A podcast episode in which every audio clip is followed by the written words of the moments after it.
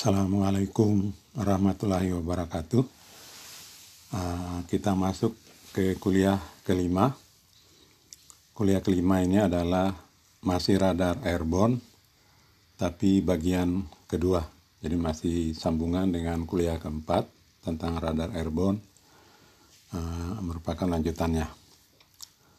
Uh, kita lihat yang akan di cover dalam kuliah kelima ini. Kita lihat slide selanjutnya yaitu tentang polarisasi ya tentang polarisasi kemudian masalah distorsi kemudian uh, speckle ya. Jadi itu yang akan di cover oleh kuliah yang kelima ini ya. Sekali sekali lagi masih lanjutan dari kuliah 4 tentang airborne radar. Kita ke slide berikutnya Ya, ini saudara sudah kenal ya. Jadi apa namanya uh, medan listrik dan medan uh, magnet ya. Kita lihat ini yang yang hitam adalah medan listrik, eh yang hitam adalah medan magnet dan yang merah adalah uh, medan listrik ya. Medan listrik ditandai V karena dia vertikal. Kemudian medan magnet yang hitam ini ditandai H karena dia horizontal ya. Nah, ini yang menentukan polarisasi ya dalam aplikasi radar itu yang menentukan adalah uh, medan listrik ya. Jadi kalau yang merah ini medan listrik ini letaknya vertikal maka disebut polarisasinya polarisasi vertikal ya tapi kalau medan uh, listrik ini posisinya ada di yang hitam, kemudian medan magnetnya ada yang di yang merah, maka polarisasinya disebut polarisasi horizontal ya karena medan listriknya berada di posisi uh, horizontal ya. Jadi sekali lagi medan listrik dan medan magnet letaknya selalu saling tegak lurus satu sama lain. Kemudian yang disebut polarisasi itu bergantung pada posisi medan listrik ya. Kalau dia posisi vertikal disebut vertikal. Kalau dia posisinya horizontal disebut horizontal. Oke, sekali lagi gambar ini adalah abstrak ya. Cuma kita uh, percaya karena saudara sudah belajar uh, rumus Maxwell dan sudah mengetahui akan adanya medan listrik dan medan uh, magnet. Kita lanjut ke slide berikutnya. Ya. Jadi sekali lagi saya ulangi polarisasi merujuk pada orientasi medan listrik. Radar dirancang untuk memancarkan radiasi gelombang mikro baik terpolarisasi horizontal atau terpolarisasi vertikal ya. Nanti ini kita kenal sebagai polarisasi linear. Polarisasi tidak hanya linear tapi banyak macam-macamnya ya. Hanya sebagai pengantar saudara belajar radar, saudara hanya kenal jenis polarisasi polarisasi linear yaitu yang horizontal dan vertikal ya. Sekali lagi polarisasinya tidak ada linear tapi juga banyak macamnya. Nanti kalau saudara belajar dalam bidang polarimetri oleh karena itu ya, kita lanjutkan dengan cara serupa, antena menerima energi hamburan balik baik terpolarisasi horizontal atau vertikal. Dan beberapa radar dapat menerima uh, kedua polarisasi tersebut. Kita lanjutnya ke slide berikutnya. Ya, yang ini misalnya dia mengirimkan uh, sinyal ya sinyal pergi itu adalah horizontal. Yang sebelah kiri ini ya saudara lihat di gambar sebelah kiri dia mengirim sinyal sinyal kirim horizontal. Kemudian sinyal kembalinya diterima horizontal ya. Makanya polarisasinya adalah polarisasi tunggal HH ya. HH atau kopolarisasi karena polarisasi kirim sama dengan polarisasi terima. Nah, kopolarisasi ini juga bisa terjadi kalau dia mengirim polarisasi secara vertikal, kemudian dia menerima polarisasinya juga vertikal. Ya, ini vertikal kirim, vertikal terima, maka hasilnya ada PV. Jadi yang disebut kopolarisasi itu bisa PV, bisa HH ya. Yang penting dia menerima uh, polarisasi yang sejenis antara polarisasi yang dikirim dengan polarisasi yang diterima. Jadi yang namanya kopolarisasi bisa PV, bisa HH ya. Itu yang harus saudara uh, ingat ya. Cuma dikategorikan kopolarisasi karena sinyal kirim sama polarisasi sinyal kirim sama dengan sensasi polar uh, polarisasi yang diterima. Kita lanjut ke slide berikutnya. Uh, dan ini adalah yang sebaliknya ya. Uh, polarisasi yang dikirim tidak sama dengan polarisasi yang diterima ya. Di contoh yang sebelah kiri ini uh, polarisasi yang dikirim adalah horizontal ya, kemudian yang diterima adalah vertikal ya.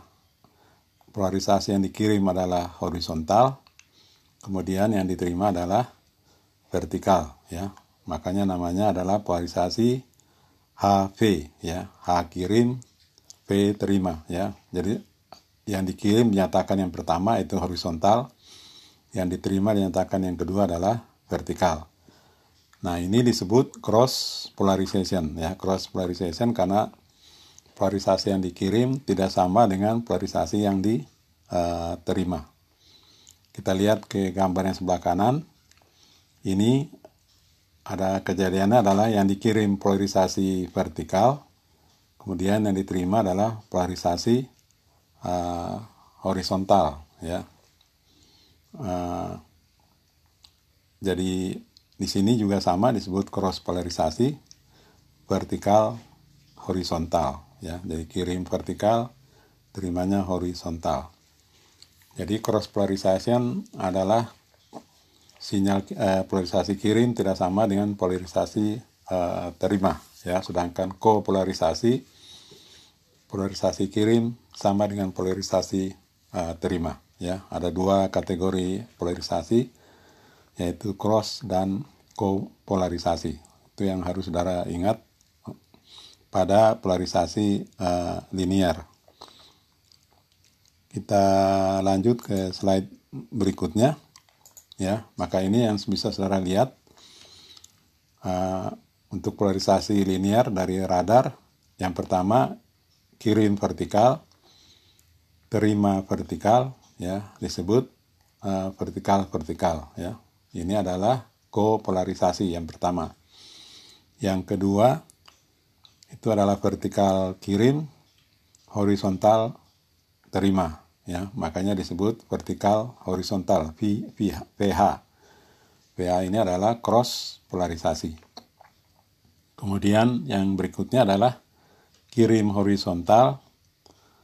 Makanya dia terima bisa horizontal ya. Maka hasil polarisasi adalah HH atau kopolarisasi kemudian bisa dia kirim horizontal dia terima vertikal ya. Maka hasil polarisasinya adalah horizontal uh, vertikal ya. Horizontal vertikal maka ini adalah cross polarisasi. Kalau saudara bisa lihat ya di jalur transmit ya kolom transmit ini sebenarnya dia hanya uh, melakukan transmisi dua jenis polarisasi ya yang pertama kita lihat dia hanya mengirim uh, mentransmit vertikal ya. Kemudian dia bisa menerima vertikal. Dia bisa juga menerima horizontal ya. Jadi sebenarnya dia hanya transmit vertikal, tapi pada saat menerima dia bisa menerima vertikal atau dia bisa menerima horizontal. Kalau dia menerima vertikal, polarisasinya menjadi VV. Kalau dia menerima horizontal, polarisasinya jadi VH. Ya, jadi di transmitter radar itu uh, disetel uh, vertikal polarisasinya, tapi waktu dia menerima bisa disetel terima vertikal, bisa diterima nyetel horizontal, padahal dia mentransmisikannya vertikal. Kemudian yang di bawahnya ada horizontal yang dia kirim, kemudian yang dia terima bisa horizontal, atau juga dia kirim horizontal tapi dia terima uh, vertikal ya. Jadi saudara lihat dari yang ditransmisikan adalah polarisasi vertikal dan horizontal itu dia masing-masing bisa menerima vertikal atau horizontal dari dua sumber uh, polarisasi tersebut. Kenapa polarisasi yang dikirim vertikal bisa menerima horizontal? Karena polarisasi yang dikirim waktu mengenai target ya itu di target tidak hanya selalu mengirim kembali vertikal tapi juga bisa mengirim kembali uh, horizontal ya. Bisa mengirim kembali horizontal. Sama juga dia kirim horizontal. Di target itu uh, bisa dikembalikan dalam bentuk baik horizontal maupun uh, vertikal ya. Jadi kenapa ada uh, beda polarisasi antara yang ditransmisikan dengan yang diterima itu karena target itu mampu me, me, apa namanya memutar polarisasi ya dari posisi vertikal menjadi horizontal dan sebaliknya. Ya jadi intinya sebenarnya dalam sistem radarnya itu hanya memancarkan dua tipe uh, polarisasi ya vertikal atau horizontal. Ya Nah, nanti saudara bisa melihat ya, ada yang namanya radar dengan polarisasi penuh ya. Ini adalah radar dengan polarisasi penuh yang menerima uh, citra dalam bentuk VV, VH, HH dan HV ya. Nanti saudara lihat ada radar yang hanya merekam citra dalam bentuk citra VV. Ya. Ada yang merekam hanya citra pH ya itu namanya single polarisasi atau polarisasi tunggal. Ada yang HH dan ada HH itu single polarisasi HP juga single polarisasi ya itu single polarisasi. Nah kemudian ada juga dia transmisikan vertikal kemudian gambar yang dia rekam adalah gambar VV dan gambar pH ya maka disebut dual polarisasi ya. Dual polarisasi gambar yang diterima yang ditransmit polarisasi vertikal tapi diterima vertikal vertikal dan vertikal horizontal. Begitu juga dengan radar yang mentransmisikan horizontal tapi dia bisa merekam gambar dalam bentuk horizontal horizontal dan horizontal uh, vertikal ya. HHHV ini disebut uh, dual pole ya, dual polarisasi. Kalau dia menerima empat empat gambar ini, makanya disebut sebagai quad pole ya. Quad pole itu adalah empat empat jenis uh, polarisasi ya, diterima quad pole, PV, PH, HH dan HV ya.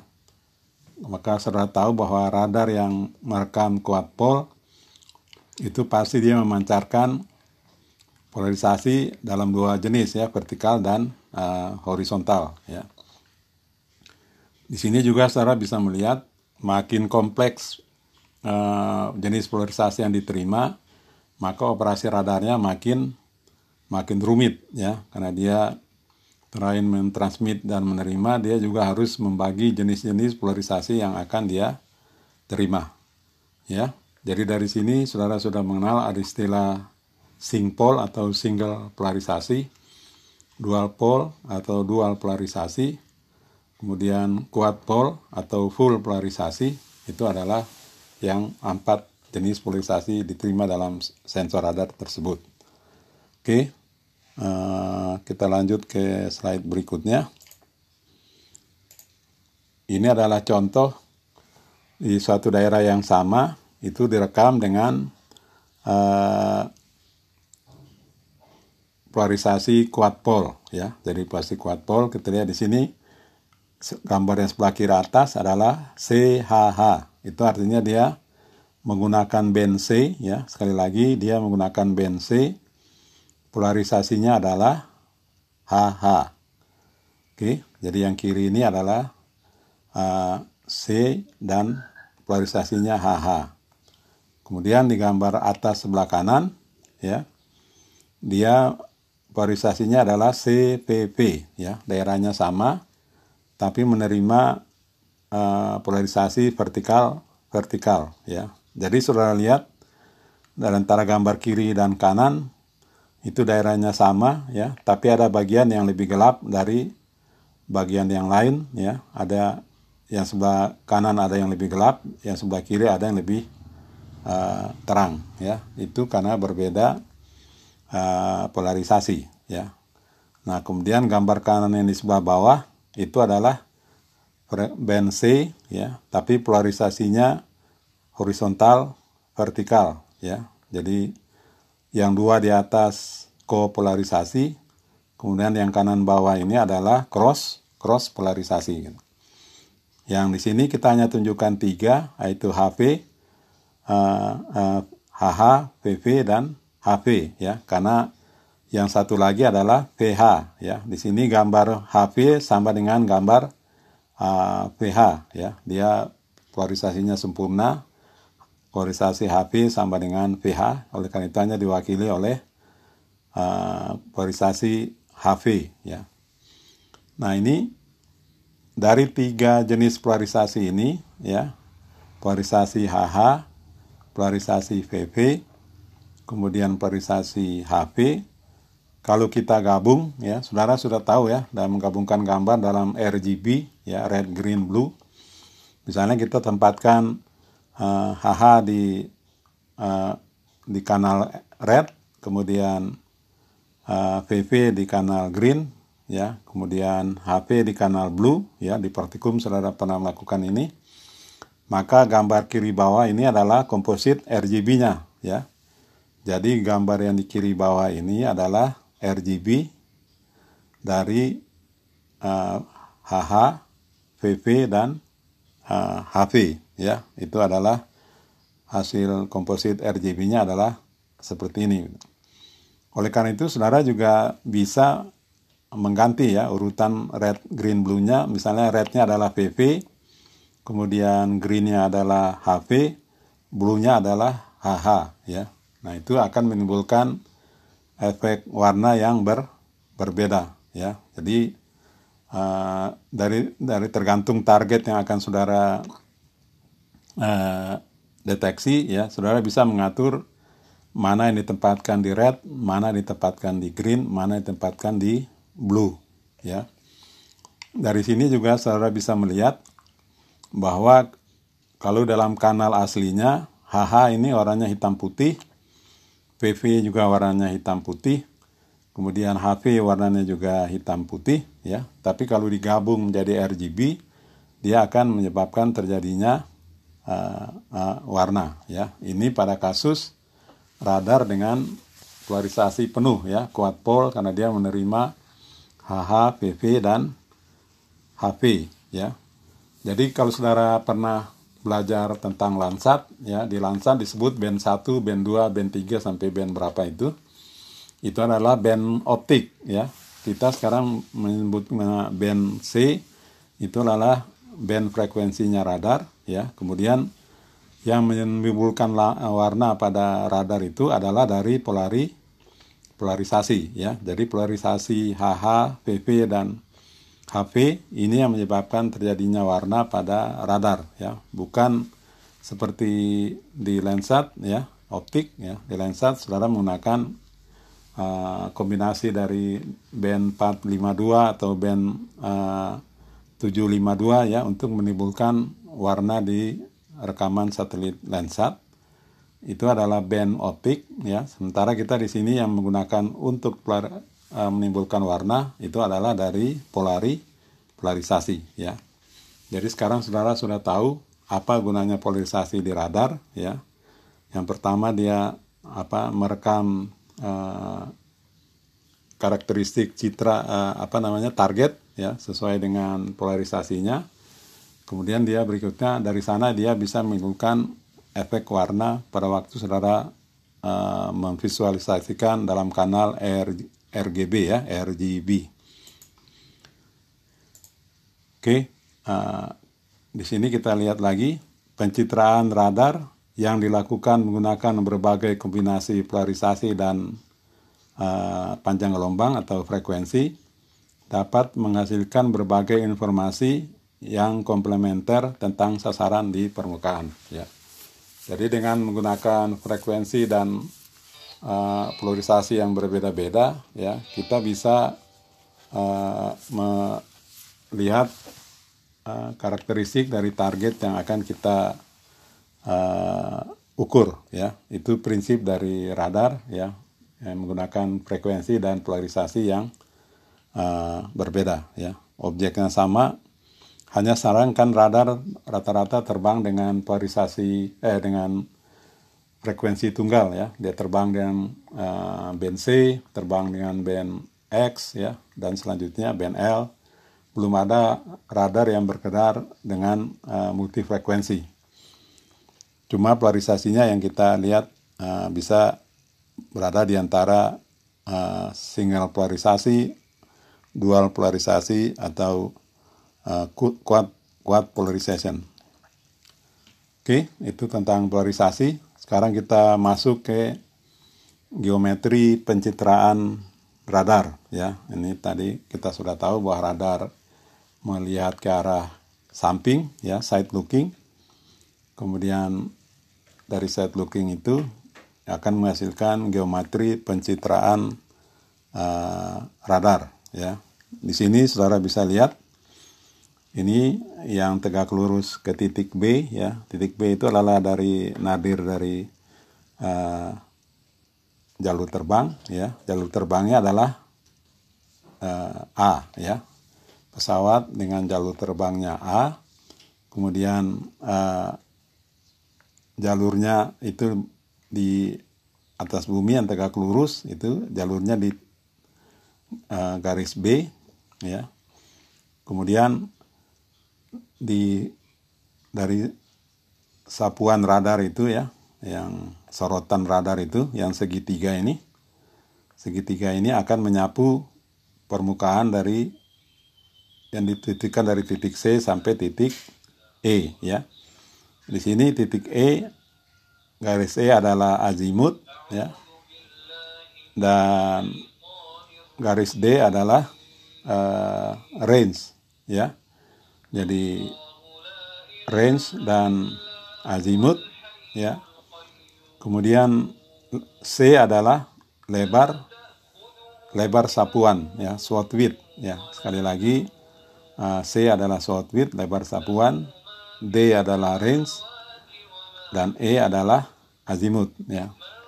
Itu adalah geometri radar yang perlu uh, saudara ketahui. Kemudian kita uh, lanjut ya. Ini adalah yang disebut sebagai istilah near range dan far far range ya. Near range dan far range. Ini adalah saudara lihat radar dari depan ya. Dan ini adalah lebar sapuannya di atas permukaan bumi yang berada di titik A. Ini namanya posisinya near range ya. Near range adalah uh, range jarak yang berada dekat dengan posisi pesawat ya. Sementara B adalah far range. B disebut far range karena posisinya berada jauh dari posisi uh, pesawat ya. Near range dan far far range ya.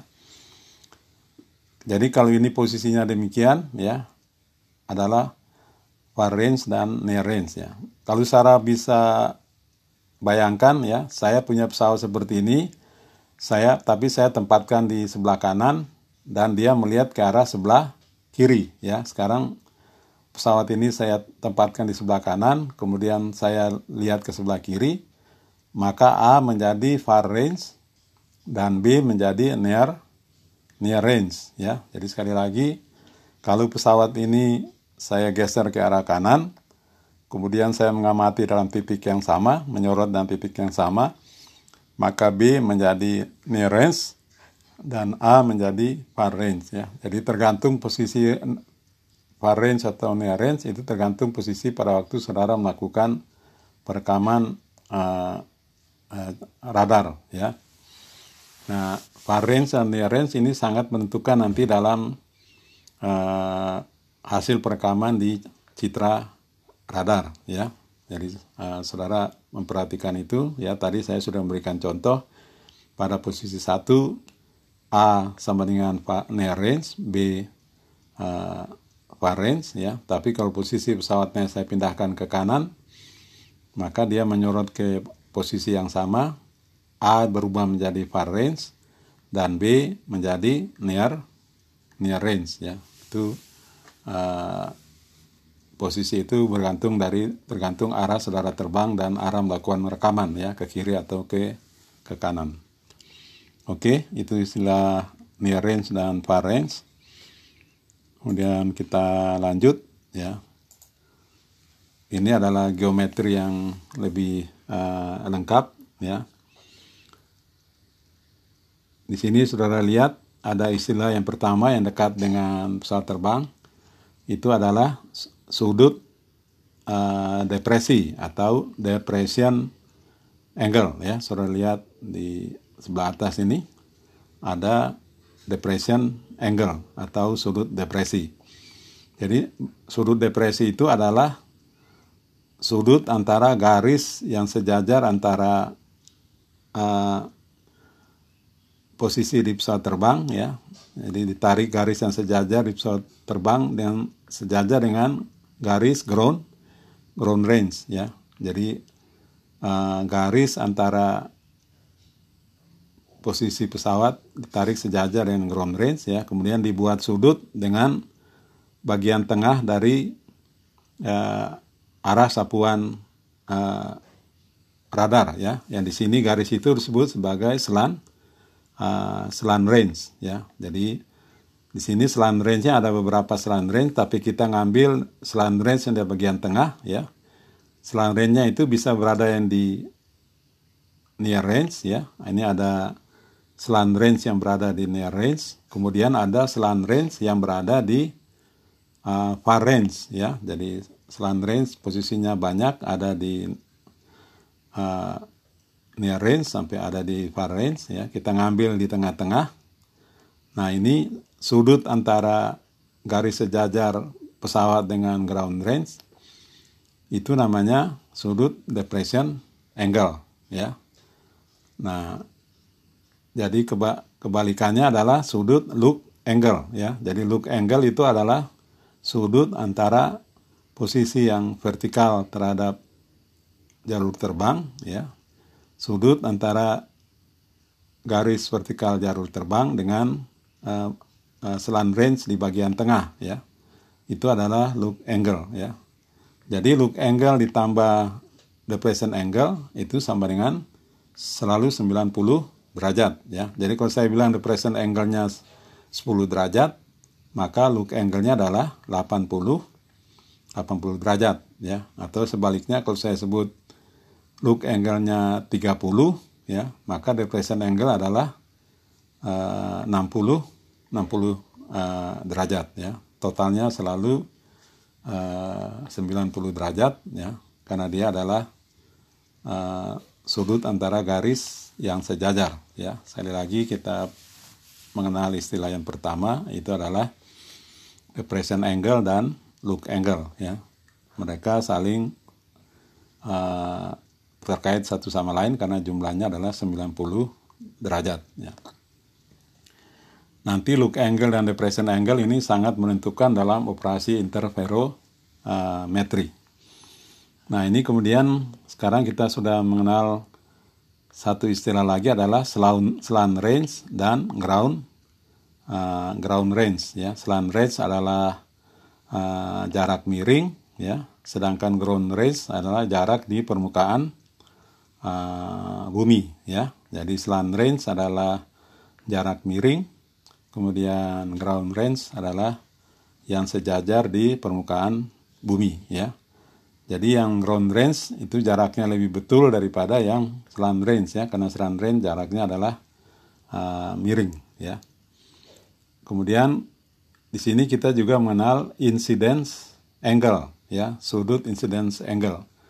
Itu sudut antara uh, slant range ya dengan yang tegak lurus di atas permukaan uh, bumi ya. Jadi ada sudut uh, depression angle, ada sudut look angle, dan ada lagi sudut incidence angle, ya, incidence angle. Di sini saudara bisa melihat bahwa incidence angle itu itu adalah posisi yang berlawanan dengan look look angle. Ya, perhatikan. Incidence angle adalah sudut antara slant range dengan slant range pada di sini ya pada posisi ini adalah slant range pada far range. Itu kalau saudara buat garis tegak lurus di ground range kemudian ada sudutnya dengan slant range pada far range sudutnya adalah incidence angle ya. Jadi incidence angle pada uh, far range berbeda dengan incidence angle pada near near range ya incidence angle pada far range itu lebih berbeda dengan yang berada di uh, near range ya. Jadi selalu di far range sudut incidence angle selalu lebih besar daripada sudut di posisi uh, far range ya. Itu kita lihat di sana. Kemudian itu adalah dalam uh, geometri garis sejajar ya, maka sudut uh, look angle itu akan sama dengan sudut uh, incidence angle ya. Secara teoritis matematis itu harus sama ya. Tapi nanti di radar uh, itu tidak selalu sama ya. Akan terjadi bahwa itu berbeda gitu. Hanya dalam teori matematika uh, kalau saudara mempunyai sudut seperti look angle dan incidence angle pada garis yang sejajar maka sudutnya itu harus sama ya hanya di kita kita tahu bahwa itu uh, uh, dalam kenyataannya tidak sama ya. Jadi untuk menyatakan itu sama, saudara membuat look angle ya pada uh, slant range yang far range ya. Kemudian saudara bandingkan antara incidence angle dari far range dengan look angle pada far range ya. Jangan saudara bandingkan antara look angle pada near range ya dengan uh, incidence angle pada far range karena itu garis slant-nya adalah uh, berbeda ya. Sekali lagi slant range itu uh, letaknya bisa berbeda-beda ya. Yang kita ambil sini adalah slant range yang bagian tengah, slant range pada posisi near range dan slant range pada posisi far range ya. Kemudian ada lagi istilah yang uh, perlu kita tahu adalah beam uh, width ya. Beam width itu adalah uh, lebar sorotan ya sudut lebar sorotan. Dan ini kita bisa lihat kalau sudah dari atas ya.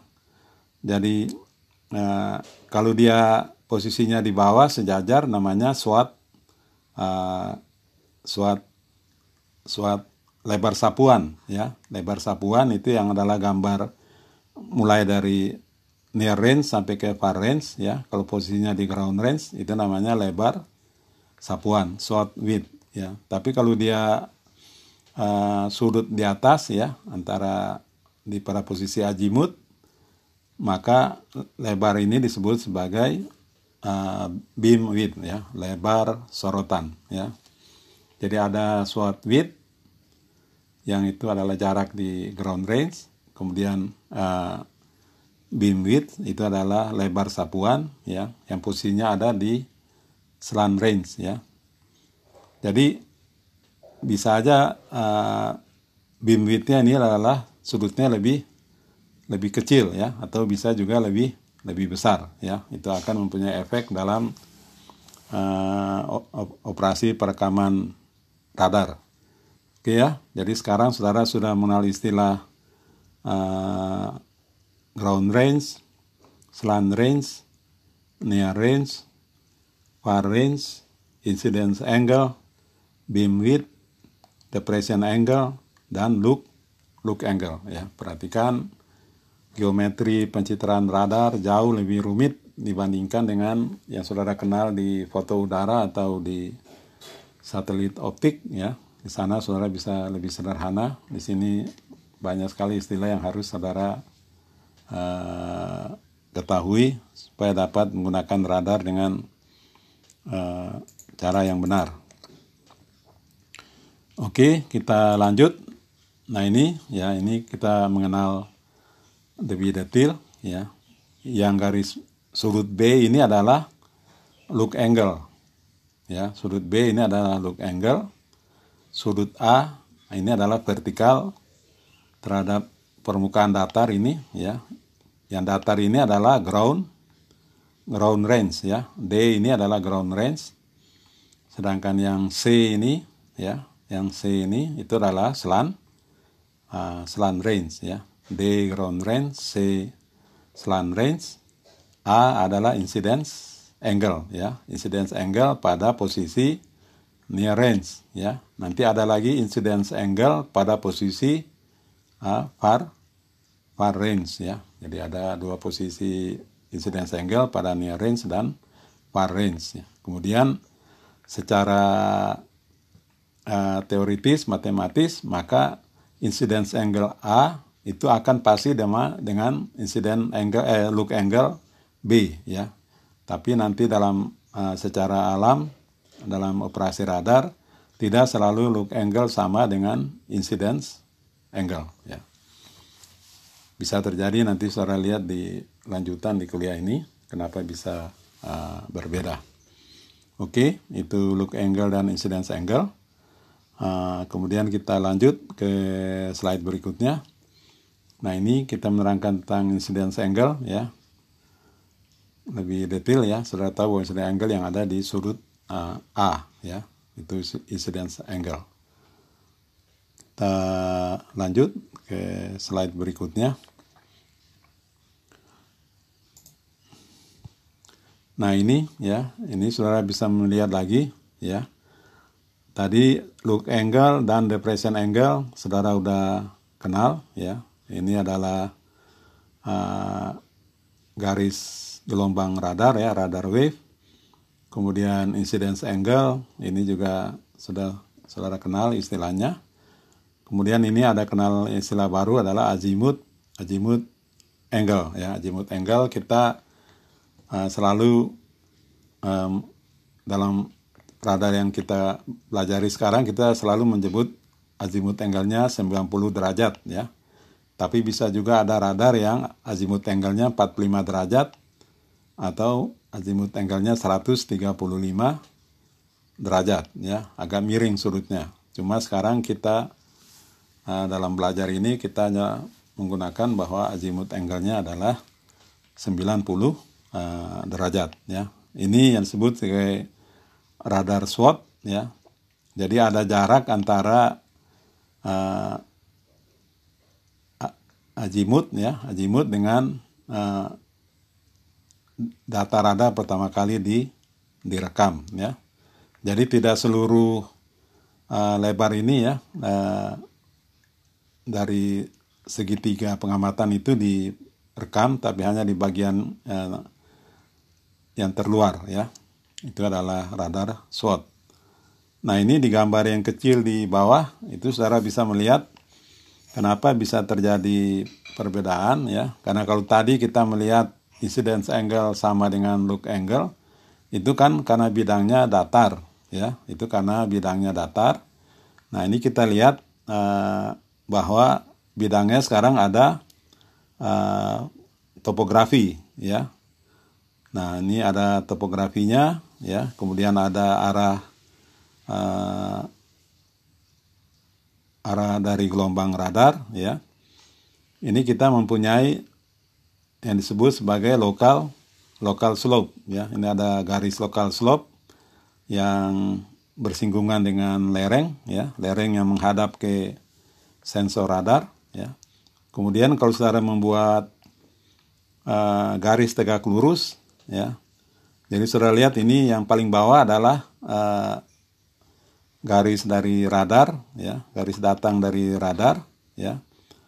Kemudian kalau saudara uh, membuat vertikal ya membuat vertikal terhadap garis uh, radar ya. Jadi setelah membuat garis vertikal terhadap garis radar maka disebut sebagai uh, itu yang disebut sebagai incidence uh, angle ya. Itu disebut sebagai incidence angle. Jadi saudara buat vertikal terhadap garis radar itu adalah uh, incidence angle. Tapi kalau saya membuat uh, normal ya normal terhadap lokal uh, slope ya.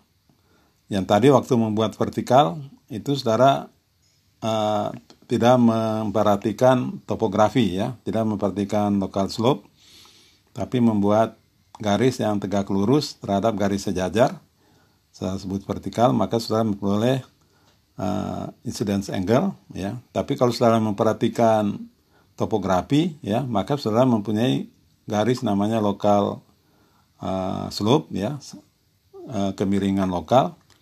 Kemudian kalau saudara buat garis tegak lurus terhadap uh, kemiringan lokal tersebut, maka saudara mempunyai uh, local incidence angle, ya. Jadi ada incidence angle dan ada local incidence uh, angle, ya. Di sini saudara bisa lihat local incidence angle-nya itu lebih kecil daripada uh, uh, incidence angle, ya. Local incidence angle itu dilakukan pada normal terhadap uh, local slope ya. Sementara kalau incidence angle itu itu adalah vertikal terhadap uh, garis sejajar ya. Jadi tidak memperhatikan uh, permukaan topografi ya.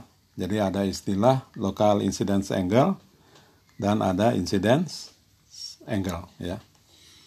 Nah ini yang perlu saya perhatikan incidence angle dibedakan lagi antara local incidence angle dengan uh, incidence angle. Oke, ini kita masih membahas uh, istilah-istilah yang terkait dengan uh, geometri radar. Uh, di sini ya untuk sedikit beristirahat dari macam-macam istilah di slide berikutnya ini saudara bisa melihat uh, di sini ya uh, kita melihat ada struktur di permukaan bumi ya ada daerah seperti ini kemudian itu di apa namanya direkam dengan radar dengan arah terbang uh, arah terbang arah arah melihatnya itu adalah 30 derajat dari utara ya uh, north 30 derajat east ya. Jadi penyinarannya adalah 30 derajat dari utara ya arah penyinaran radarnya yang direkam adalah gambar seperti ini ya. Ini adalah efek dari sudut penyinaran ya. Jadi kalau ini saudara anggap barisan uh, struktur horizontal ya, barisan horizontal yang dengan arah seperti ini ya diagonal. Kemudian saudara rekam dengan radar pada posisi uh, azimut tiga azimut sudut ya azimut sudut 30 derajat saudara mendapatkan gambar seperti ini nah kalau saudara rubah sudut penyinarannya ya di slide berikutnya ini adalah pada posisi 60 derajat ya maka akan menghasilkan uh, gambar yang berbeda ya. Padahal daerahnya sama ya. Sekarang saudara bisa melihat lagi ke gambar yang sebelumnya ya dan lihat lagi dengan gambar yang pada posisi 60 derajat ya. Oleh karena itu uh, ini terjadi karena kenapa? Karena uh, rekaman radar sekali lagi dilakukan secara side side looking ya. Sehingga menimbulkan uh, bermacam-macam istilah dalam proses perekaman uh, uh, gambar ya. Perhatikan efek kita mengarahkan uh, apa namanya sorotan radar bisa menimbulkan gambar yang berbeda ya. Selain dari tadi ada masalah uh, polarisasi ya. Oke uh, kita lanjut ke slide berikutnya. Nah ini ya kita bisa melihat perbedaan antara uh, berekaman radar secara airborne dengan menggunakan pesawat terbang atau drone dan yang menggunakan uh, satelit ya. Jadi ini saudara bisa melihat di permukaan ini ya. Permukaan ini ada 50 sampai 70 km ya. Ini di permukaan di gambar sebelah kiri ya. Itu 50 70 km itu pada posisi satelit itu lebih kecil ya karena dia skalanya lebih uh, lebih besar ya karena lebih besar maka gambar di permukaan buminya adalah lebih lebih pendek ya. Kali ini 50-70 kilo pada posisi ketinggian terbang pesawat terbang. Yang kanan adalah 50-70 km pada posisi uh, satelit ya. Ini lebih pendek tapi sebenarnya jaraknya sama ya. Hanya karena masalah skala yang kiri lebih panjang daripada yang kanan. Tapi sebenarnya objeknya sama ya.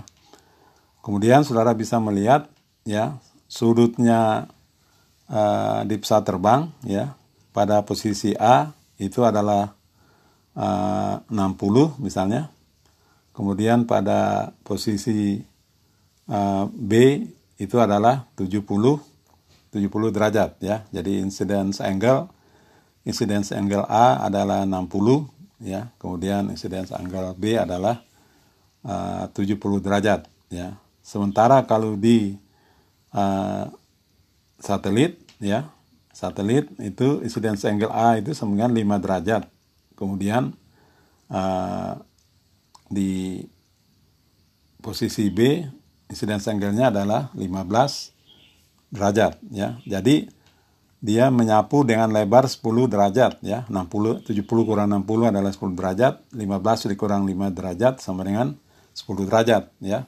Hanya sudut incidence angle antara uh, radar yang spaceborne yang di satelit itu lebih kecil dibandingkan dengan yang ada di uh, pesawat terbang ya. Jadi Sekali lagi, sudut incidence angle di near range dan far range pada uh, sistem apa namanya uh, radar spaceborne itu akan lebih kecil daripada radar airborne ya. Karena posisi satelit kan posisinya di ketinggian sekitar 600 sampai 800 km ya dibandingkan dengan uh, posisi pesawat terbang yang berada uh, di posisi di bawah dari uh, 10.000 meter ya. 10.000 feet ya. Paling tinggi 10.000 feet ya. Makanya terjadi uh, perbedaan incidence angle yang sangat uh, mencolok ya. Jadi buat kita uh, bekerja dengan sudut incidence angle yang kecil ini jauh lebih memudahkan ya. Dengan spacebound jauh lebih memudahkan dibandingkan kita bekerja dengan uh, airborne ya. Airborne kita akan melihat efek uh, variasi yang uh, sangat bentar sangat besar antara posisi near range dan fire range ya jadi uh, sekarang tetap ya artinya uh, sistem radar itu tersedia baik secara airborne maupun secara spaceborne ya. Secara airborne operasinya akan uh, lebih mahal ya karena saudara harus memobilisasi pesawat dari lokasi dia berada sampai ke lokasi kita misalnya karena kita tidak punya sistem airborne radar maka kita harus misalnya membawa dari uh, Jepang ya atau membawa dari Jerman, dari Eropa ya, atau membawa dari Amerika sampai ke Indonesia, dia terbang ferry sampai ke Indonesia. Kemudian nanti dari Indonesia kita terbang ferry lagi ke lokasi di mana kita akan melakukan perekaman gambar ya, misalnya akan merekam gambar di uh, Natuna misalnya ya, maka terbang lagi ke Natuna apa dari Jakarta atau dari Singapura ya. Kemudian nanti di Singapura baru kita mulai melakukan uh, perekaman gambar di target di daerah Natuna. Berbeda dengan uh, satelit yang berada di uh, radar yang berada di satelit, ya tidak ada lagi biaya mobilisasi dalam bentuk ferry terbang itu, tapi langsung tinggal kita menunggu pada saat uh, satelit berada di orbit kita, kita melakukan pemesanan, ya. Oleh karena itu pemesanannya bisa dilakukan uh, dengan cara yang lebih terencana ya tapi tetap aja uh, itu harus kita lakukan permintaan kepada pihak operator satelit ya karena uh, operator satelit juga tidak hanya melayani permintaan kita tapi juga melayani banyak dari permintaan dari pihak yang lain ya. Belum tentu permintaan kita bisa disetujui ya. Jadi sekali lagi ini adalah perbedaan antara uh, spaceborne radar dan airborne radar ya terletaknya pada incidence angle. Oke? okay?